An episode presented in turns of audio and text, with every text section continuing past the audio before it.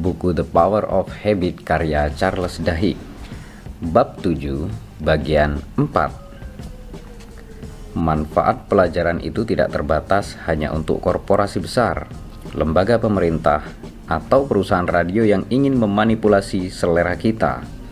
Wawasan-wawasan yang sama bisa digunakan untuk mengubah cara hidup kita. Tahun 2000, misalnya, dua ahli statistika dipekerjakan oleh YMCA salah satu organisasi nirlaba terbesar di Amerika Serikat untuk memanfaatkan kekuatan peramalan berdasarkan data guna mewujudkan dunia yang lebih sehat. YMCA memiliki 2.600 lebih cabang di Amerika Serikat, kebanyakan berupa gym dan pusat komunitas. Sekitar satu dasawarsa lalu, para pemimpin organisasi tersebut mulai mengkhawatirkan cara agar YMCA tetap kompetitif mereka meminta tolong seorang ilmuwan sosial dan seorang ahli matematika, Bill Lazarus dan Dean Abbott. Keduanya mengumpulkan data dari 150 ribu lebih sumber survei kepuasan anggota YMCA yang telah dikumpulkan selama bertahun-tahun dan mulai mencari-cari pola. Waktu itu, kebijakan yang diterima di kalangan eksekutif YMCA adalah orang menginginkan peralatan olahraga yang keren dan fasilitas modern yang kinclong. YMCA telah menghabiskan jutaan dolar untuk membangun banyak ruang angkat beban dan studio yoga. Tapi ketika survei-survei itu dianalisis, ternyata meskipun keindahan fasilitas dan ketersediaan berbagai mesin olahraga dapat mendorong orang-orang untuk bergabung, sebenarnya yang membuat mereka bertahan adalah hal lain. Menurut data, anggota akan bertahan karena faktor-faktor emosional, Misalnya apakah pegawai tahu nama mereka atau mengucapkan halo ketika mereka datang. Ternyata sering kali orang-orang datang ke gym untuk mencari hubungan dengan manusia, bukan ban berjalan. Bila seorang anggota menemukan teman baru di YMCA, lebih besar kemungkinan mereka untuk datang ke sesi-sesi latihan. Dengan kata lain, orang-orang yang bergabung dengan YMCA memiliki kebiasaan-kebiasaan sosial tertentu. Bila YMCA memuaskan mereka, anggota-anggota pun bahagia. Jadi bila ingin mendorong orang untuk berolahraga, YMCA perlu memanfaatkan pola-pola yang sudah ada dan mengajari para pegawai untuk mengingat nama para pengunjung. Ini adalah variasi pelajaran yang dipetik oleh target dan para DJ radio untuk menjual kebiasaan baru.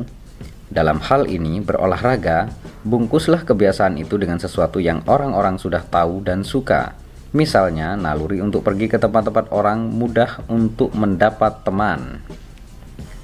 Kami memecahkan rahasia cara membuat orang-orang bertahan di gym. Lazarus berkata kepada saya, orang-orang ingin mengunjungi tempat-tempat yang memuaskan kebutuhan sosial mereka. Bila kita bisa bikin orang-orang berolahraga dalam kelompok, lebih besar kemungkinan mereka mengikuti latihan. Kita bisa mengubah kesehatan bangsa dengan cara ini. Semua hari tak lama lagi, suatu hari tak lama lagi, kata para ahli-ahli analitika prediktif, perusahaan-perusahaan akan bisa mengetahui selera kita dan memprediksi kebiasaan kita secara lebih baik daripada yang kita sendiri tahu. Tapi mengetahui bahwa seseorang mungkin memilih merek selai kacang tertentu tidak cukup untuk membuat mereka mengambil pilihan itu.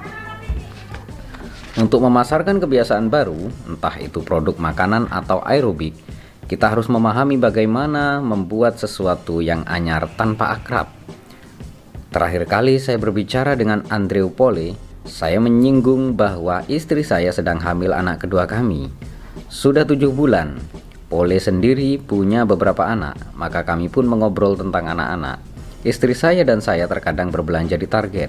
Kata saya, dan sekitar setahun sebelumnya kami telah memberikan alamat kami kepada perusahaan itu sehingga kami bisa mulai dikirimi kupon.